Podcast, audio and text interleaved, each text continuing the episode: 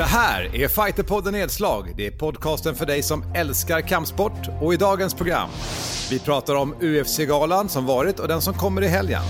IBJJF ändrar reglerna kring leglocks. Finnen som lyckades med en otrolig bedrift i tricking.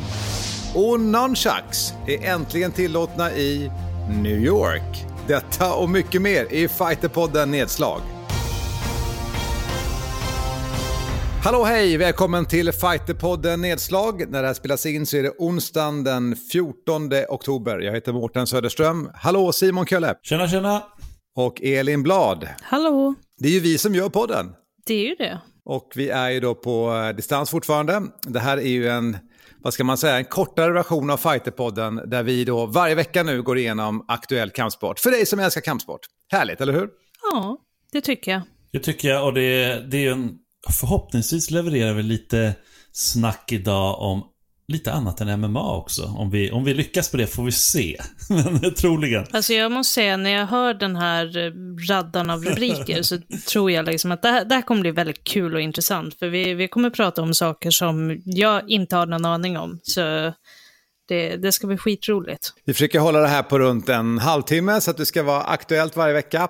Och jag tänker vi börjar väl direkt med eh, UFC faktiskt, eh, eftersom det ska vara lite MMA som start Simon. Vad har vi haft? Börja börjar med helgen som var. Ja, alltså knockout-helgen som var. Det var ju två riktigt grymma knockouter. Men jag vill ändå börja säga så här faktiskt, på en personlig notis här lite. För att eh, Eh, jag brukar ju alltid skryta om att jag vinner så jäkla mycket eh, när jag spelar. Men den här gången torskade jag allt som jag spelade. Det var, svår, det var en svår gala. Den var ganska knepig.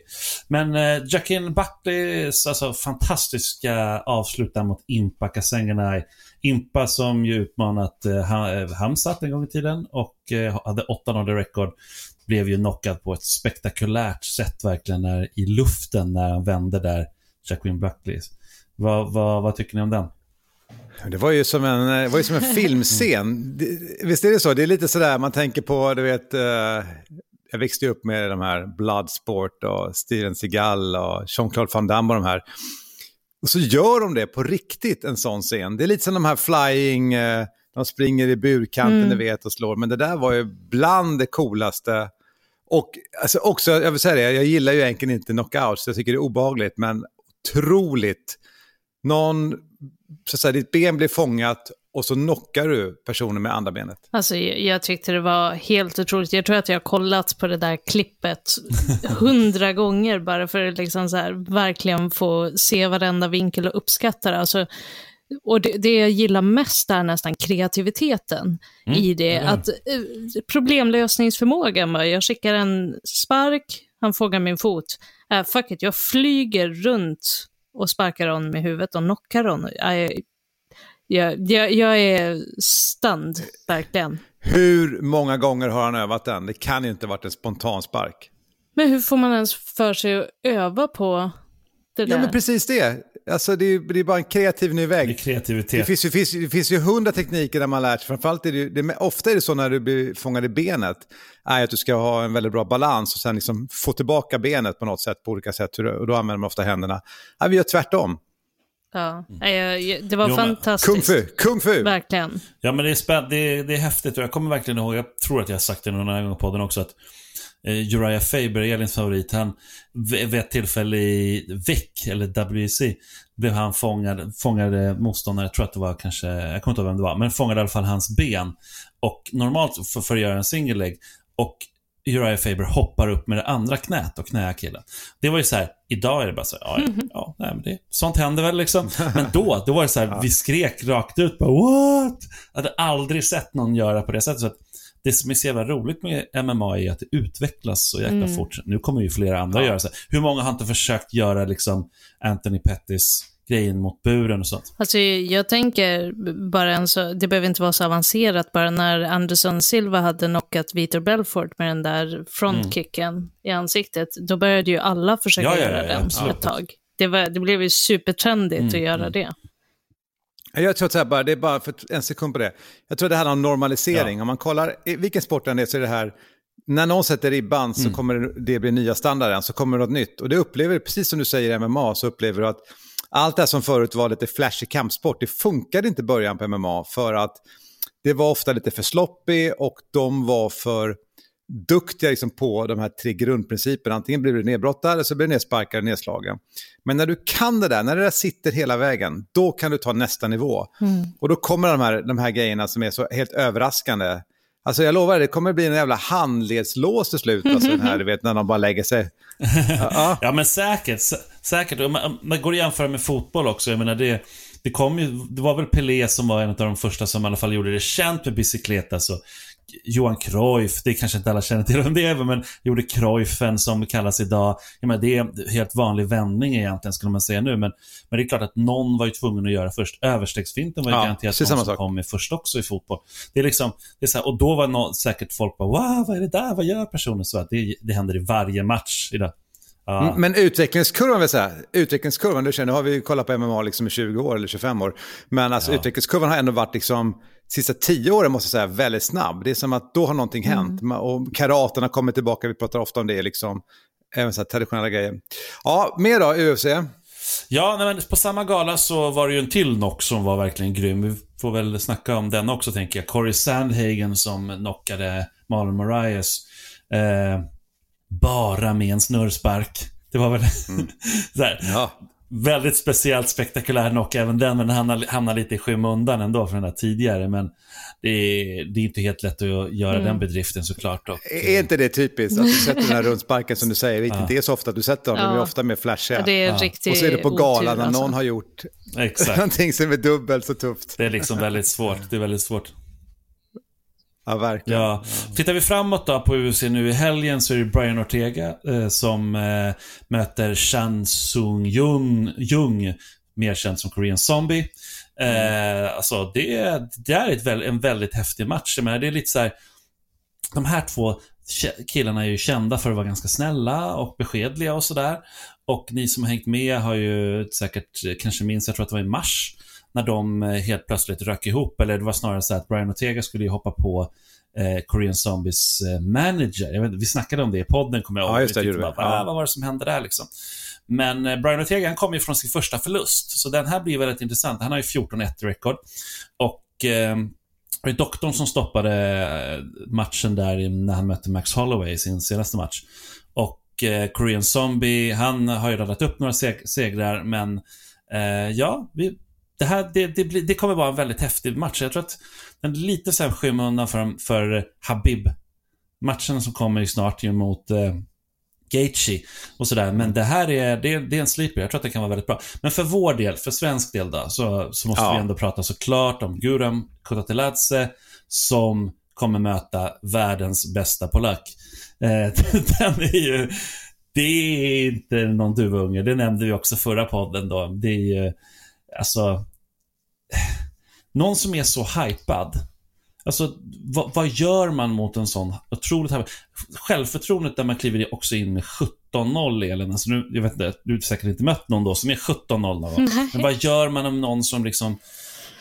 För, att, för jag menar han då, Gamrot. Eh, Mattias Gamrot, jag ska bara säga det innan jag släpper in dig.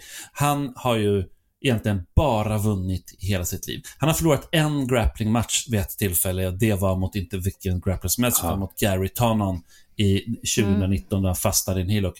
Eh, nej, förlåt, det var, det var ett annat loss. Men han själv har ju grymma heelhooks, det var det jag skulle säga. Mm. Eh, men vad gör man mot en sån där grym person? Du måste bara ha ett större självförtroende, antar jag. Det, det är det enda jag kan tänka mig som kommer funka där. Alltså, jag tror att man måste känna sig jävligt trygg i vad man kan och inte låta sig påverkas allt för mycket av att den andra har 17-0 i rekord, utan bara bestämmas för att det, det, spelar ingen roll. Det jag kommer ta an ändå. Eller hur, det är det som är grejen tycker jag, att alltså, om du inte vet om, om inte du känner till rekord, du kommer in med ditt självförtroende. Så två personer med enormt självförtroende som är helt övertygade, som kanske båda är obesegrade, men inte, om du inte vet om att den andra har ett sånt rekord, det är först under matchen någonstans som du märker personens teknik. Nu är det ju mycket mentalt, mycket mer mentalt att Guram gör sin debut i UFC och fått höra bara, ja, du vet att den här killen, mm. han är otroligt tuff, han är obesegrad, han är vinnare i podden och så vidare. Ja, men jag håller med dig, alltså, eller jag håller med er båda. Jag tänker också så här, då jag sa heelhook men det var en rear naked choke som tar någon, fångade honom i efter sju minuter. Men, men det, det är liksom, han är, han är en otroligt bra grappler, eh, den här polacken. Och hans heelhook är ju mm. liksom supervass. Och eh, ja, man tänker alltså, mm. Guram är ju egentligen i grunden en stående fighter. Men han tränar ja. Hamzat dagligdags. Alltså det, det i sig kanske är ganska mycket självförtroende.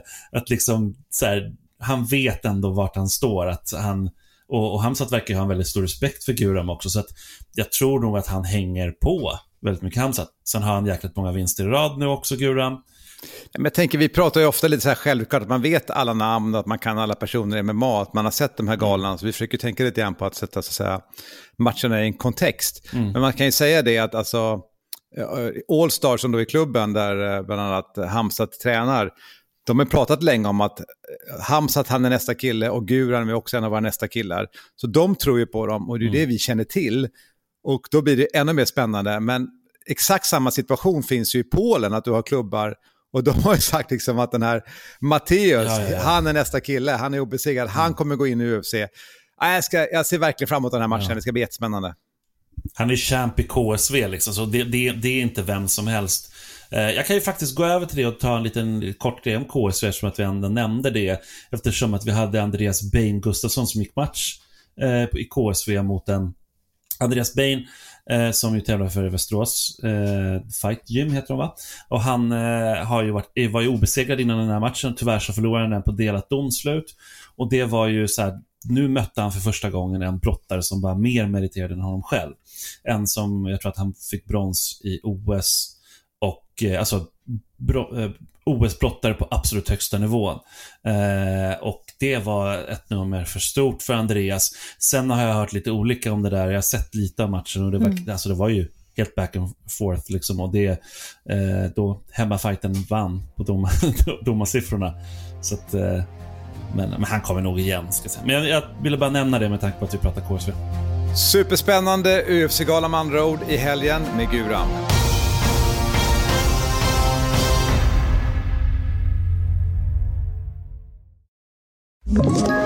Ett poddtips från Podplay. I fallen jag aldrig glömmer djupdyker Hasse Aro i arbetet bakom några av Sveriges mest uppseendeväckande brottsutredningar. Går vi in med hemlig telefonavlyssning och, och då upplever vi att vi får en total förändring av hans beteende. Vad är det som händer nu? Vem är det som läcker? Och så säger han att jag är kriminell, jag har varit kriminell i hela mitt liv men att mörda ett barn, där går min gräns. Nya säsongen av Fallen jag aldrig glömmer på Podplay. Den 31 oktober är det dags för Frontier Open Battle 21. Bara på Fighter TV.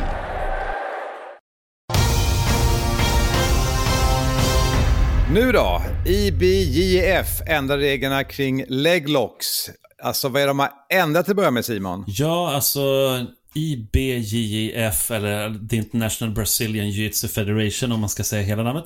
De har alltså eh, fastslagit nu att nu får man använda heel hooks i olika typer av knee bars, eh, alltså i no-gi-tävlingar i brun och svartbältesklasserna. Eller så här, jag ska säga, inte nu, utan från och med 2021 då. Så det är några månader kvar. Då är det okej okay att göra det. Och eh, alltså det för mig är det så här, jaha, har man inte fått det? Nej, men jag har ganska dålig koll på det. Men eh, det här verkar vara en ganska stor nyhet i BI-världen. Liksom. Så att, eh... det, jag skulle verkligen säga att det är det, för det, det är ju en av de stora skillnaderna som har varit i tävlingar som är IBGF. Att, eh, att du, du inte får göra de, de här låsa. Alltså det, det finns ju en, någonting som kallas för reaping, som är liksom när du lägger nu vet jag inte riktigt hur jag ska förklara det här på ett vettigt sätt, men det, det är liksom en vanlig rörelse som man gör antingen i olika former av svep eller när man vill sätta upp benlås, där du liksom underifrån har din, ditt ben wrappat på utsidan och på personens höft. Och liksom ah, okay. vrider det inåt och det ofta har blivit knäskador i det när mm. du har gibyxor och sånt. Så, så de har ju varit superpetiga med det, men och just det att man inte får göra det i no-gi, det är ju framförallt det som, jag fattar att det är en precaution i gi, men i submission wrestling har det ju funkat utmärkt att ha det och det betyder inte att alla har brakat ihop av det, för det har liksom varit, du, du, du kan bli, du dels få poängavdrag, men du kan också bara bli disqualified mm. bara av den rörelsen, att sätta benet runt okay, och på så. höften. Så bara diskad, reaping. Ja. Vilket är ja. Men man Ja, kan väl säga också, alltså, det, det, jag tror inte det händer jättemycket, men det ändrar till viss del. För att idag är det ju så att det är också ett hot, alltså om du åker på det så klappar du. Alltså för att du vill inte offra ditt knä. Eh, och det gör ju att idag kan du ligga i den här liksom, positionen, men du har ingen risk idag när du, när du fightas med GI eh, i de här tävlingarna att du kan åka på den typen av så att säga, knä, knälås eller leglock. Men det kan du nu och då måste du ha försvar på det. Eh, och det kommer att ändra lite grann gamet tror jag. I alla fall, det är no-gi till att börja med då, som, som kommer att ändra det liksom, så vi får ju se. Men eh, ja, kul ändringar. Det som gör sporten säkert bättre. Det var dagens lilla BJJ-hörna. Nu ska vi gå vidare. Och prata om finnen som lyckades med en otrolig bedrift i tricking. Och jag vet inte vad tricking är för någonting. Simon? Nej men precis, jag ska försöka förklara det så gott jag kan. Det är inte som att jag har följt tricking jättemycket men Det är alltså, den här finns, finnen som du nämnde, det är alltså Johan Kirisile som är eh, typ en av världens bästa. Han har, han har ju nu eh, lite världsrekord och har vunnit VM och så i tricking. Och vad är då tricking? Jo, det är alltså en blandning kan man säga med mellan breakdance, gymnastik och kampsport. Eh, vilket blir någon, det ser ibland ut lite som capoeira kan jag tycka. Fast den har ju inte den capoeira liksom eh, bakgrunden på något sätt. Och det, det, det, rent generellt så är det jättemycket volter, jättemycket så här corkscrews, alltså skruvar och liknande. Nu när du säger det, jag, jag sa ju innan att jag in, inte hade sett det här, men nu kommer jag ihåg att jag, jag satt och kollade på SM-veckan för eh, i, i so, förra sommaren eller något sånt och där hade de ju Tricking, det här. ja men det, det kan nog stämma. Och det var ju skithäftigt alltså. Ja men det är det och det är så, man, man har väldigt lätt att se framför sig att eh, det här skulle inte vara helt superdåligt kanske att träna för en kampsport eller en MMA-fighter eller någonting sådär. Det han gjorde nu den här finnen, det, det var ju liksom fantastiskt. Han gjorde en, en så kallad 3, 2, 2, 2, 2, 2, 2. Alltså, eh, och det är alltså de här tvåorna då, fem tvåor hoppas jag att jag räknade till. Eh, det är alltså först en, en, en trippel liksom skruv och sen ner med en fot och sen en dubbelskruv, ner med en fot, dubbelskruv, ner med en fot, dubbelskruv och så här i rad liksom allihopa. Och det har ingen lyckats med tidigare, i alla fall inte någon som har fångat det på, på bild. Och vill ni se det här så tycker jag ni ska gå in på hans Instagram-konto. Och det är alltså J-O-H-K i-F-I-N, Jokfin, underscore Okej. 98. Eh, ja, det är, det är alltså fem dubbla skruvvolter i rad. Alltså det, det är Kan du s- säga, säg sjukt. igen Helt vad, galet. vad det hette? J-O-H-K I-F-I-N underscore 98. Ja, Jokifin. Jokfin. Nu ska vi se. Det är så bra, det här är, det här är podden där Elin liksom eh, går in på Insta eller på nätet när Simon säger olika personer. Det är roligt. Ja, ja, ja. Åh jävlar! Åh jävlar! Jag tycker- Åh nej, lägg av! Ja, du ser det. Okej, det här var min live-reaktion på det här. Det här Ja, är, det är helt sjukt. galet. ja, men det där Alltså, är... Det är Ja, men alltså, Det är bananas, för när du alltså, sa det- det här, jag såg framför mig en så här liten ballettpiruett. Alltså att han snurrar, nej, hur nej, ska nej, man nej, säga, här är- runt sin egen axel, Ah. äh, inte lodrätt, Mm. trodde jag. Men den här snubben, Mm. han, han lägger sig ju liksom horisontellt i luften. Ja. På varje snurr. Det här Ja, är helt sjukt. Det är helt sjukt. grej. Ja. Ja, men det är helt galet. Wow. Men som sagt, han är eh, liksom... Ja, ett... Ja, det måste jag kolla på också. Nu gör ju det där. Ankar i podden, så jag är ju... Jag har så mycket att hålla i här hela tiden, så jag kan inte fixa det. Ja, det här var fantastiskt. Ja, men exakt. Tack för att du delar det Ja. här Simon. Ah, jag vad kul. uppmanar alla att gå in och titta på det här. Det är bra Simon, i varje på sista nu har du faktiskt haft någon sån här eh, social media-fenomen som du har tagit fram. Vad roligt. Varför kan vi inte ha det så här, att jag och Mårten får reagera live på Åh, måste hitta Ja. en ny varje gång. Ja, men det bestämmer. Vi gör så, så vi förbereder det. Jättekul, så vi fortsätter. Just det här också, att vi förbereder det. Det är jag som får förbereda det. Tack för den. Ja. Jag, jag gör mitt bästa. Var jag gör mitt bästa. Ja, Tack, precis. Simon. Ja, vi lämnar tricking. Och den eh, kanske största nyheten idag då, att eh, nonchucks, eller nonchacos, eller vad man nu säger, är äntligen tillåtna i New York! vad är det här Simon? Den här podden blir bara konstigare och konstigare. Vad, är det, vad håller vi på med egentligen? Men det är ganska vet, så här, tror vi att alla Alltså- vet vad nunchakos är? Det måste man Ja, veta. det vet Ja, men jag alla. tror vet det. Och vi sa nunchakas tror jag i Stockholm. Men jag vet vissa saker kanske nunchakos. Jag vet inte, kanske man sa. Det kallades för, där, när jag växte upp, så här, för karatepinnar. Ja, Men man det. kan säga att det är, det är två så att säga, träpinnar med eh, en, eh, ska egentligen vara en kätting emellan, det kan också Precis. vara snöre emellan. Som man snurrar runt kroppen på olika sätt Och Bruce attackera. Lee gjorde det här känt, framförallt i västvärlden såklart, med- i sina filmer. Ja, och så kan man säga att det, här, alltså, ursprungligen så här, det kommer från Okinawa. Egentligen Ja, tror ja. man att det här användes för att liksom slå ner gräs. Alltså man helt enkelt göm, gömde sin kampsport. Bönderna hade det här för att slå ner gräs, men egentligen var det helt enkelt ett stridsvapen. Och nu används det egentligen bara för att folk på YouTube ska slå sig själva i skrevet med dem. Ja, det också, precis. Nej, men det är intressant det här med att vi gräs där, för det är, apropå capoeira så var det ju exakt det också, att varför den är så låg är ju för att det var högt, högt eh, hög vegetation så kunde man gömma sig liksom långt nere under. Eh, och dessutom dans var tillåtet, kampsport och strid var inte tillåtet, så då kunde man dansa fram. Så på så sätt växte den fram. Men i alla fall, nunchucks, eh, det 1974, det här nu blir en liten historielektion, så var ju kung fu-filmerna otroligt stora. Alltså nästan så att man inte kan fatta det idag. Alltså de som eh, inte var med på 80-talet och sådär framförallt tror jag. Och Bruce Lee var ju liksom enorm och Nunchakas liksom blev ju någonting som väldigt många ville göra. Alltså det var, jag vet att det var många som gjorde det i min skola så här på, på eh, vad heter den? Eh, Slöjd, jag höll på att säga smeden. Slöjden. Eh, så där gjorde en tjacka så här, kaststjärnor och grejer, kommer jag ihåg att man försökte göra och sånt Ja. också. Det var ju det var en annan tid då, liksom, på 80-talet. Men i alla fall, då i New York så blev de oroliga. Moralpanik. Oh shit, kommer folk gå runt med liksom nunchucks överallt? Så att eh, det förbjöds. Och nu har det alltså gått 36 år. Eh, förlåt, det måste vara ännu längre om det var 74. Men, eh, ni får räkna ut det där själva. 46 år blir det väl va? Eh, och eh, det, alltså en, en 60-årig man som höll på med nunchakus en gång i tiden. James M. Maloney, han tog upp det här i, i rätten liksom. Och gjorde det till en rättslig sak. Och nu är nunchucks tillåtna igen. Alltså, de fick inte ens tillverkas i New York. Det är ju väldigt lustigt med liksom ett så vapentätt land som USA. Att det, det, det Ah. folk får gå runt med liksom assault rifles, men du får fan inte ha nunchakas. Så att det kunde alltså gå runt, eller så här, du kunde tillverka då kanske bazookas typ och sånt där.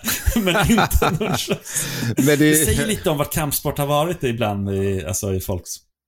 men de som, Yeah. de som eh, det, finns, det här är ju också, ska man säga, det finns faktiskt eh, det finns ju tävlingar eh, och där man använder just nunchakus, alltså det är ju som en liksom, nästan gymnastikform där man svingar det här. Alltså de är ju enormt duktiga, de som gör det här, i olika typer av kator. Men eh, du förvarar de här i ett litet fodral så du faktiskt kan ha liksom, det påminner lite grann om ett pistolhölster där du kan ha Aha, dina okej. nunchakus. Det ska bli kul att se när man kommer till New York nästa gång om folk går runt med sådana här det kanske blir så här concealed carry, Ja, att du måste, du får inte bära det öppet utan du måste dölja det. Ja, det är roligt. Ja, det är roligt Ja, det är Simon. roligt. Hörrni, vi går till lite Ja. mer kampsport, vi går vidare i podden. Jag tänkte att vi måste ju såklart eh, prata lite grann om eh, vår vän Enkamp. Eh, det var ju en bra match för honom också helgen, Simon. Verkligen. Han vann i Bellator igen på avslut. Tredje i rad nu. Vilket inte är illa pinkat såklart. På en väldigt snygg Japanese necktie. De sa ju fel. Jag tror att de sa att det var en Dars i... i Darts Ja, choke sa de, men det var precis... ja, precis, men det var en Japanese necktie. Och eh, alltså Oliver Enkamp, det är... Han är så ödmjuk också och liksom så här härlig kampsportare in i själen på något sätt. Så att det, det, det är någonting som man bara gillar med Oliver Enkamp och alltid gjort tycker jag. Ja, Vi har ju haft hans eh, brorsa också i podden, Jesse Enkamp. Och har ni inte koll på honom så kan ni söka upp honom på YouTube. Han är stor nu, The, the Karate Nerd. Och det är en speciell familj Enkamp. De kommer ju från eh, alltså, kampsport och pappan och mamman. Och de har ju alltså en klubb och de har ju sin dojo. Och är riktigt så här, både traditionellt utövare av eh, karate och har nu då en son som är riktigt duktig i MMA. Och det som är spännande tycker jag med Oliver det är ju att hans eh, ground game har blivit så tight. Verkligen, verkligen. Eller hur är det? Alltså, det Ja, ja. Alltså han har varit bra på marken väldigt länge. Nu, nu minns jag inte när det här var. Det, det var flera år sedan tror jag som jag kollade på en match med en kamp när han vann på en jättesnygg triangel. Och det, det var någonstans där jag började fatta liksom, hur bra grappler han är också. För, för man tänker hur? mycket för, för, på hans stående och att han har liksom den här karategrunden. Men han är otroligt duktig grappler också. Så det, jag är inte förvånad verkligen. att det kommer avslut på avslut på marken för Oliver. Och sen tror jag också många tän- tänker och har sett framför sig att han kommer liksom växa in lite grann. Många har ju kallat honom ung och liten och så vidare. Och så vidare. Jag kommer ihåg Omar Boish sa till mig en, en gång när han hade gått över till, till Pancrase, sa han så här, fast Oliver är inte liten längre. Det där är bara, det där är bara någonting som har hängt kvar bara för att han är lite baby, har lite babyface. Det sa inte Omar då, men det, det är min tolkning. Liksom, för att han är inte så jävla liten längre och han är 29 år nu så att det, och han har mycket mer erfarenhet, men han har slagit Guran till exempel. Det ska vi inte glömma. Eh, Sen har inte Guran förlorat, men, men ändå. Det, det, det har han Jag gjort. trodde att 2017. Guran var obesegrad. 11-2 har Guran. Spännande. Jag tänker bara på Oliver där innan vi går vidare, sista i podden då, men just att han, han var i UFC och nu är han i Bellator. Eh, Jag tycker han gör väldigt bra ifrån sig, måste jag säga, i Bellator. Det känns som att han kanske kom in för tidigt i UFC, vad känner vi där? Jag tror faktiskt det. Jag tror det och... Eh, ja, men alltså, det, och det är också så mycket tillfälligheter, hur man matchas och så vidare. Och, så vidare. Eh, och han, han har fått växa till sig lite grann och, och komma in i sitt game och det, det, känns, det känns liksom helt rätt. Sen är det ju små marginaler i den här toppen. Men en annan sån här ödmjuk person, som jag måste bara nämna avslutningsvis här, det är ju Simon Sköld. Eh, sådär. Han eh, får egentligen ganska, han får en del skit. Jag har sett det på, jag har sett det på nätet nu att en del bara, åh, hämt extra fighten och så vidare. Eh, jag tycker att det är lite orättvist för att han är, han är en av våra bästa fighters i viktklassen i Sverige. Jag menar, han har slagit Michel Ersoy och alla möjliga. Så att det var att han han hade en del förluster ett tag som han sen har vänt till flera vinster. Men, men han, han ska möta Fernando Flores, har ju kommit fram då i, på Superior Challenge. Och, jag menar, Simons förra match var ju mot Diego Nunes, en förlust om bältet. Och eh, Fernando, han har vunnit, eh, alltså, en, en jävligt snygg en Bravo choke i sin senaste match. Första ronden. Så att, eh, mm. Och innan det hade han en förlust mot Tobias Harila som också kommer gå match på galan. Ja, det är coolt. Om inte man har koll på Fernando Flores, vad skulle du säga om honom mer, Simon? Ja, det, han är ju upp, uppåt ifrån, så då, då får man höra med Elin, tänker jag.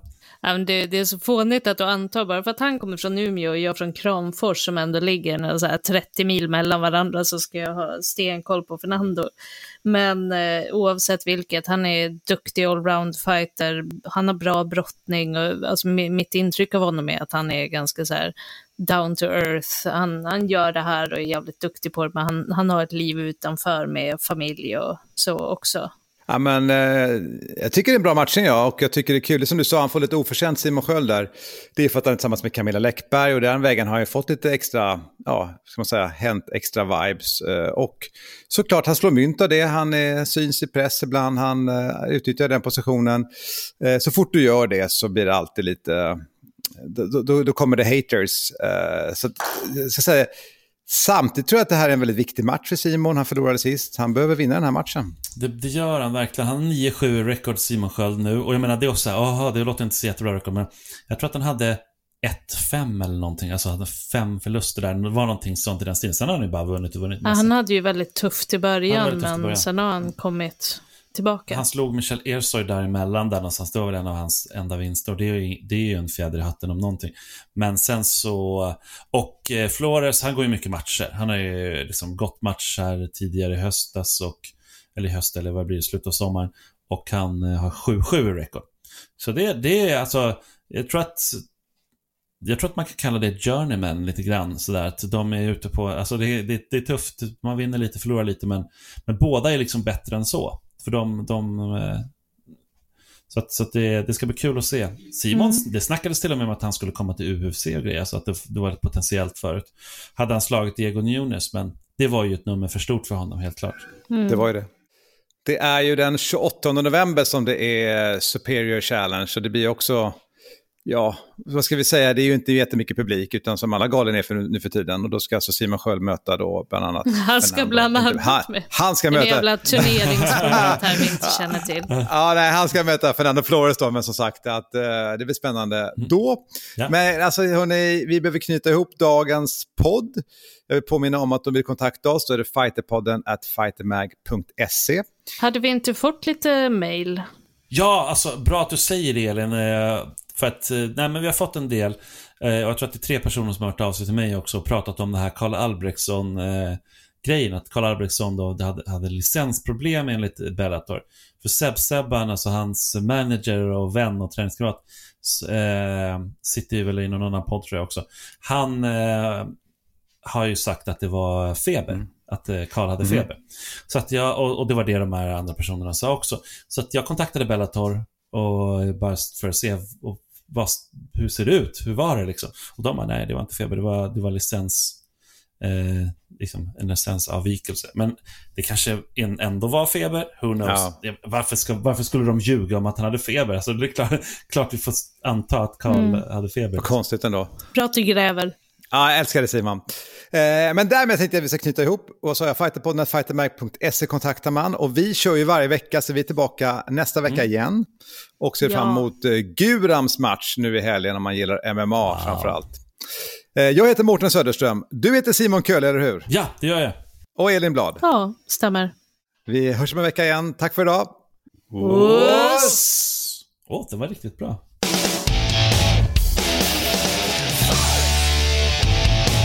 Fighterpodden produceras av Suba Media för Radio Play.